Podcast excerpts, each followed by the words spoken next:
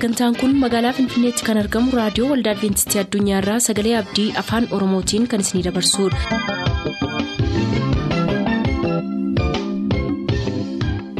harka fuuni akkam jirtu kabajamtoota dhaggeeffattoota keenyaa nagaa fayyaanne waaqayyo bakka jirtan maratti isiniif haa baay'atu jechaa sagantaan nuti har'aaf qabannee isiniif dhiyaannu sagantaa maatiif sagalee waaqayyoo ta'a gara sagantaa maatiitti haa dabarru.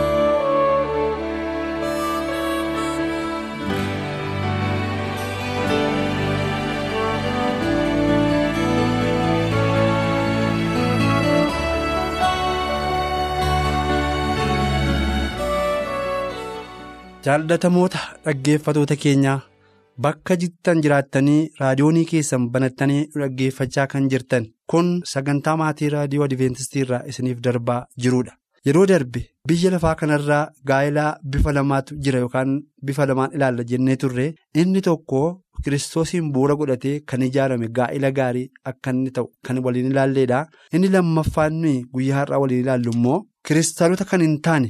Yookaan kiristoosiin bu'uura kan hin godhanne gaa'ela ijaarame yookaan immoo ijaaramu jennee waliin ilaaluu yaalla. Gaa'elli akkasii kun gaa'elaa jireenya isaanii gooftaa keenya yesus kiristoosiin irratti hin moosisin yookaan manni sun mataan sun bu'uurri isaa kiristoosiin kan hin taane namoonni walumatti dhufaniif wal arganii bifni itti bareedeef yookaan walitti tolaniif inni ija ishee keessa waan lixeef. isheen immoo ija isaa keessa waan lixxeef waan isheen dhaabbiin ishee itti bareedeef irra keessa ilaaluudhaan walitti dhufanii ee jedhanii walii galanii isaanumti lamaan isaanumti lamaanii mari'atanii gara bultoo yookaan gaa'elaa ijaaruutti dhufan kan ta'u gaa'elaa akka ittiin ijaaramu yookaan bifa kan ijaaramu waliin ilaalla bultoon kun akkuma isiniin jedhee akkuma warra kaanii wal jaallatu walitti dhufuu wal gaafatu. Mareensaa yookaan yaadni isaa isaanuma lamaa gidduutti dhumuudhaan gara gaa'elaatti kan dhufan ta'uu isaanii isin yaadachiisuu barbaada. Maal jechuu barbaadeen bultoon kiristaanotaa yookaan gaa'elli kiristaanotaa yommuu ijaaramu kiristoosiin bu'uura godhateeti. Hundeen isaa jalqabni isaa giddugaleessaa isaa kiristoos ta'eeti. Maal jechuudha jechi kun namoonni kun utuu walii isaaniitti yaada kanan kaasin waaqayyo bultoo gaarii gaa'ela gaarii. Mana gaarii gargaaraa yookaan gargaartuu gaarii tajaajilatti kiristoositti kan isa jabeessitu yookaan kan ishee jabeessitu argachuudhaaf waaqayyoon kadhatanii yookaan soomaaf sagadaan yeroo fudhatu. Erga yeroo fudhatanii booddee akka namaatti immoo waan gochuun isaanirra jiru godhaniitu gara dubbii kanaatti seenuu jalqabu. Yeroo namni kun yookaan obboleettiin kun kadhataan sagantaa kana jalqabanii waaqayyoo kiristoos keessa ta'ee barbaaduudhaaf yommuu ni deemu. Isaaf kan taatu yookaan isheef kan taatu waaqayyoo walitti isaan fiduu danda'a. Kana booddee erga walitti dhufaniis immoo yeroo waliif kennanii waaqayyoon irratti kadhataniitu gaaffii isaanii fuula waaqayyootti dhiyeessanii yeroo irratti fudhachuudhaan yaada waaqayyoo keessa ta'anii gara bultoo kanaatti dhufuu jechuudha. Warri kiristaanota hin taane garuu deemsa isaanii akka kanatti miti. Har'a wal arganii walitti bareedanii afaan walitti tolanii wal affeeranii in ilaalee isheenis in ilaaltee irra keessaa waan walitti tolaniifi. Isaanumti lamaan walii galanii bultoo ijaariitti dhufu. Yeroo bultoo ijaaruutti dhufan sila mana isaanii irratti waaqayyo mo'ee waanta hin jirreef bultoo isaanii irratti kiristoos bu'uura ta'e waanta hin jirreef mana kana keessa yeroo baay'ee walitti bu'iinsatu baay'ata. Afaan isaanii keessaa kan ba'u afaan abaarsaati jecha dhaadhaa ejjaa dhuganii machaa'uudhaa lolaa hinaaffaadhaa wal qucculuudhaa mataa ofii jaallachuudhaa garaa dhaquun irra hin jirree mana moora laaltuu mana xanqaawotaa dhaqanii. Rakkinni abbaa manaa koo gidduu jiru anaaf isa gidduu jiru rakkinni haadha manaa koof ana gidduu jiru maalilaa jedhaniitu darbanii yeroo rakkinni mana isaanii keessatti baay'atu. Yeroo lolli mana isaanii keessatti baay'atu. Yeroo waliigalteen dhibu yeroo nagaan dhibu yeroo boqonnaan dhibu yeroo gammachuun dhibu nama akka isaanii gaafachuudhaaf yeroo isaan deeman illee jira. Dhaggeeffatoota keenya akkuma kanaan dura isiniif kaase mana kiristoosiin bu'uura godhatee ijaarame keessa rakkina sana hiikuudhaaf kan argamu kiristoos akka inni ta'e. Nagaa buusuudhaaf kiristoos akka inni ta'e.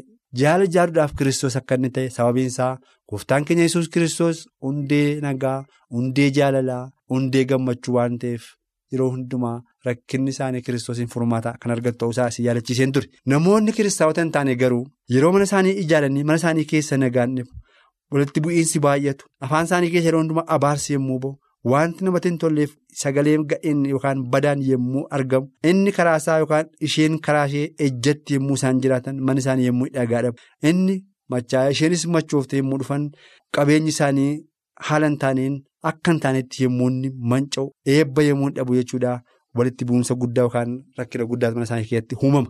Mana isaanii keessatti rakkinni kun yommuu uumamu lafa dhaqanii furmaata argatan dhabu. Lafa dhaqanii tasgabbii yookaan boqonnaa waa'ee rakkina isaanii kanaaf fala yookaan furmaata argatan yommuu dhaban nama akka isaanii kan ta'e rakkina kee yookaan rakkina ishee nanii kan jedhu gara xunqaa yookaan biyya lafaarratti wanta adda addaa hojjetanii horii kan nama harkaa saaman gaa namootaa dhaqaniitu gaaffii kana gaafatu. Gaaffii kana gaafachuudhaan ammas rakkina biraa mana isaaniitti fidu jechuudha. Kanaaf egaa har'a iddoo kanatti kan nu ilaalaa jirru.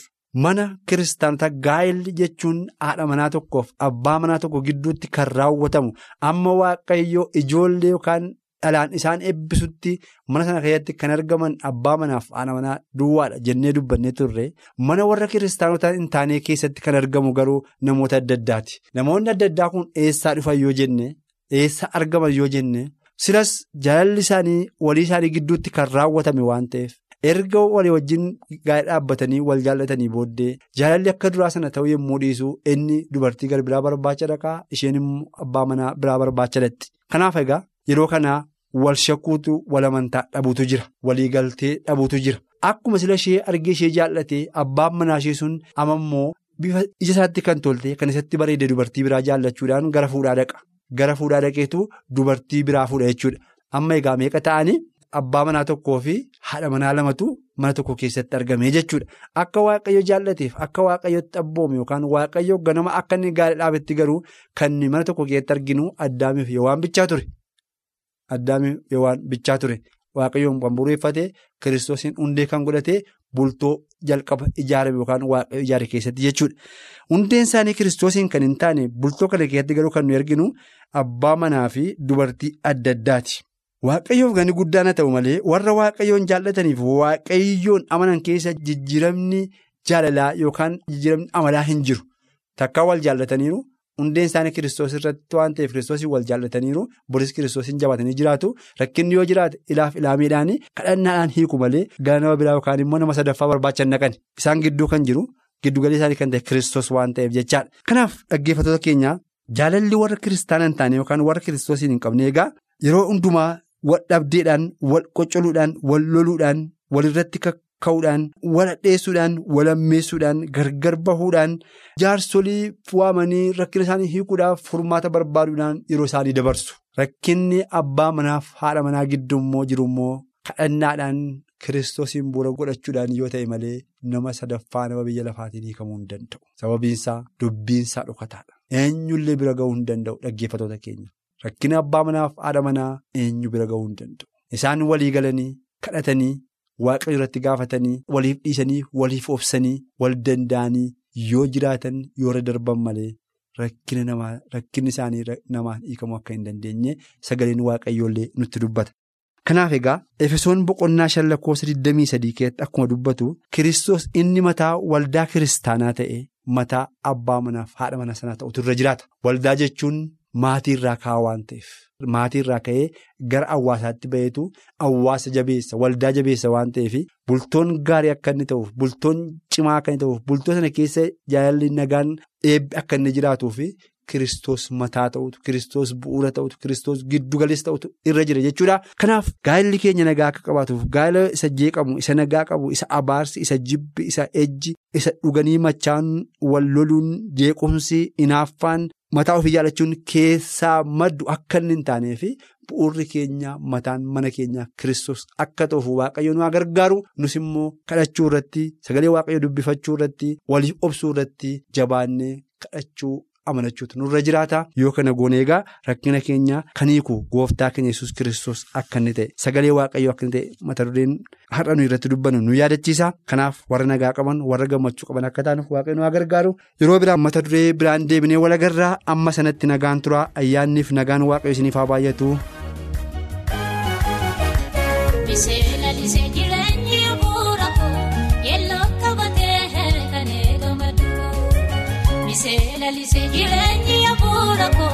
yelloo qabatee kan eegamu kuni kuuji fagoo ilaala iddoo waaqayyo naan jedhee sana sisicha naala ammayyuu kuni kuuji fagoo ilaala iddoo waaqayyo naan jedhee sana sisicha naala iddoo waaqayyo naan jedhee sana sisicha naala iddoo waaqayyo naan jedhee sana sisicha naala iddoo waaqayyo naan jedhee sana sisicha naala iddoo waaqayyo naan jedhee sana sisicha naala.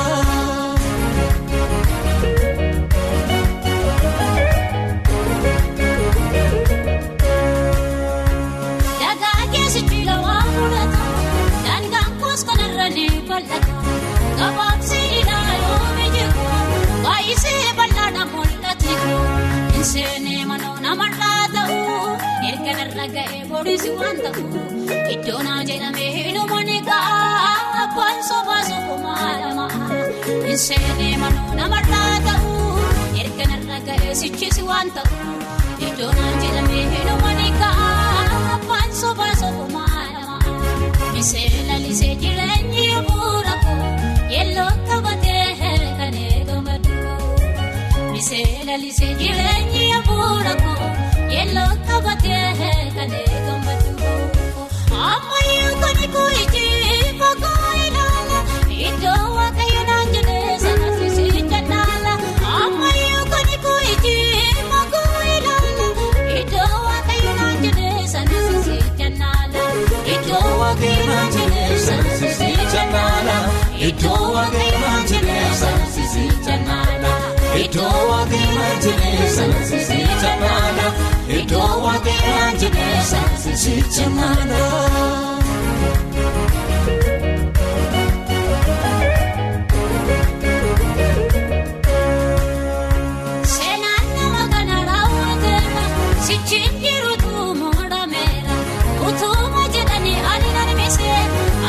Mukameetiin ani lalisee gadi fageesseera hidda koo kiristoos gooftaadha bu'uurri koo isarran jiraatan badhaa badhaanii gogiinnan argaatu mijaanii gadi fageesseera hidda koo kiristoos gooftaadha bu'uurri koo isarran jiraatan badhaa badhaanii gogiinnan argaatu mijaanii misee lalisee jireenyi bu'uura koo yelloo qabatee kan eegamatu. Misee lalisee jireenyi bu'uura koo yelloo qabatee kan eegamatu. Ammayyuu kuni kuuji fagoo ilaala.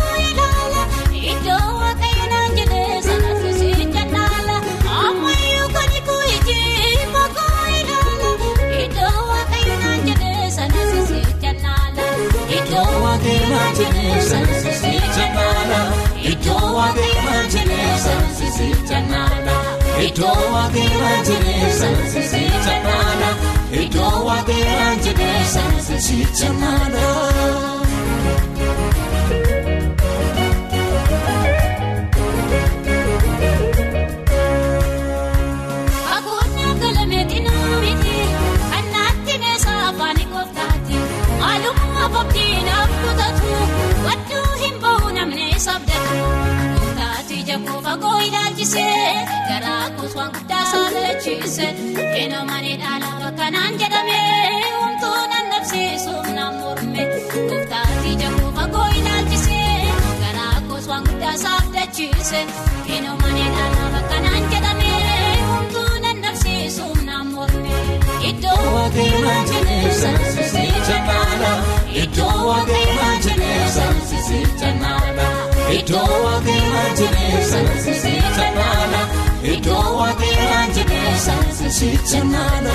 Iddoo waaqayyo sana sisicha naala.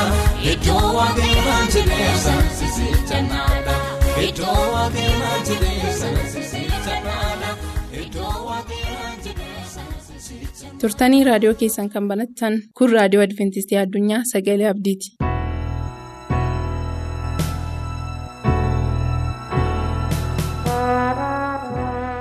Akkam jirtu dhaggeeffatoota sagalee abdii ayyaanni waaqayyoo faraarri waaqayyoo hunduma keessaniif haa baay'atu gooftaan nu eegee nu geggeessee fuula isaa duratti yeroo kana nu dhiyeesseera galanni isaaf haa ta'u gara mata duree barumsa keenyaatti utuu hin seeniin mataa keenya gadi qabannee waliin hin kadhanna. abbaa keenyaa isa hundumaa dandeessu waaqniif lafti siin uumamanii wanta ati goote hundumtinuu gooftaa guutuudha. Si galateeffannaa humna kee kanaaf maqaa gooftaa keenyaa yesuusiin galanni guddaan siif haa ta'u. Abbaa gaarummaa guddaa amanama waaqa keenyaa yeroo kana hundumti keenya fuula kee dura jirra? Ijoolleen kee yaada isaaniif garaa isaanii siif ergisanii iddoo isaaniitti si waammatanitti si kadhatanitti iddoo isaaniitti si dhaggeeffatanitti hafuura kee qulqulluun isaanitti dhimma ba'uun jaalala kee haa ta'u. Sagalee dhageenyu kana fayyinaaf akka nuu gootu jireenya mootummaa keetiitti ittiin akka nuu yaadattuuf jaalala kee haa ta'u. Addunyaa lafaa kana sagalee keetiin ati geggeessi. Sagalee keetiin gooftaa qulqulluu ati eebbisi yommuu dhuftu mirga mootummaa keetti hunduma keenya yaadadhu maqaa gooftaa keenyaa yesuusiin ameen. Dhaggeeffatoota keenyaa yeroo darbe keessatti abboommiin kurnan gaara siinaa dura turuusaa kan jedhu. Abboommii tokko hanga shaniitti walii wajjin ilaallee isa hafe yeroo waliif beellamnee turre. Isuma jalatti isa jaaffaa keessatti hin ajjeesin kan jedhu seera ba'uu diddama lakkoobsa kudha sadiidha.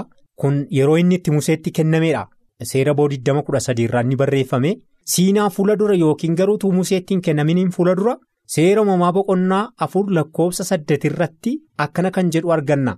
Qaayeliis obboleessa isaa Abeel irratti ka'ee ajjeeseesisi waaqayyos qaayeliin jedhee dhiigni obboleessa kee Abeelii lafarraa gara kootti iyyaa jira. Ammas ati abaaramaadha.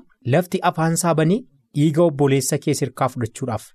Qaayelisii waaqayyoon jedhee cubbuun koo guddaan naan dhiifamu jedhe. Siinaa fuula dura akkamittiin. otuu seerri abboommii kurnanuutuun barreeffameen fuula dura? jedhamee yeroo namoonni haasa'anii hin ajjeesin kan jedhu eessaa ajjeese? Ajjeesuun cubbuudhaaf yakka guddaa akka ta'e immoo attamittiin beekuu danda'e? Qaayeli yeroo obboleessa isaa ajjeese kana waaqayyo gooftaan argeera waan ta'eef innis cubbuu akka ta'e beeka waan ta'eef attamitti cubbuun koo kun guddaa naan dhiifamu akkamitti jechuu danda'e? Maaliif yeroo sana waaqayyo siinaa fuula dura uumama jalqabaatiif kun. Seera addaamiif waanitti kennameedha waan ta'eef kanaaf siinaa fuula dura turuusaa hin ajjeesin kan jedhu siinaa fuula dura turuusaa qaayeli obboleessa isaa abeeliin sababa aarsaan isaa fuula waaqaa duratti fudhatameef hinaaffaadhaan ka'ee qaayeli obboleessa isaa abeeliin akka hin ajjeese dhiigni obboleessa keetii lafaa gara koottiyya jedhe waaqayyo maaliif kun cubbuudha waan ta'eef dhiiga dhangalaasuun cubbuudha waan ta'eef kanaaf lubbuu akka hin duune lubbuu akka hin ajjeefne lubbuu akka hin baafne yeroo sana caafamee jira waan ta'eef. Seera waaqayyoo keessatti tuumameera waan ta'eef kanaaf siinaa fuula dura tureera abboommiin kurnanu. Garuu akkaataa amma ilaallutti akkaataa akka amma namoonni hubachuu danda'anitti siinaa irratti yookiin harka museetti akka inni kennametti fudhatama waan ta'eef kun jalqabuma jalqabaa waaqayyoo seera isaa namootaaf akka inni kenne hubanna kanarratti inni itti aanuu ni ajjeesin jedha. Seera bobuu diddama kudha afur irratti kenname museetti. Siinaa fuula dura immoo attamitti ture. Seera uumamaa boqonnaa 20 lakkoofsa tokko hanga 12 yoo ilaalle waa'ee mootii Abeemeleekiin dubbata. Akkana jedha. Abeemeleekis Abrahaamiin waame jedhenis maali kun kanati na goote? Maaliinis hamaasi godhe? Anaaf mootummaa koo irratti cubbuu guddaa fiddeetta'u Abrahaamis jedhe tarii iddoo kana waaqayyoon sodaachuun hin jiru niitii kootiif na ajjeesu jedheen kana godhee jedhe. Waaqayyo Abrahaamiin biyya keetii ba'e yeroo inni jedhe biyya inni dhaqe sun biyya waaqan sodaanne.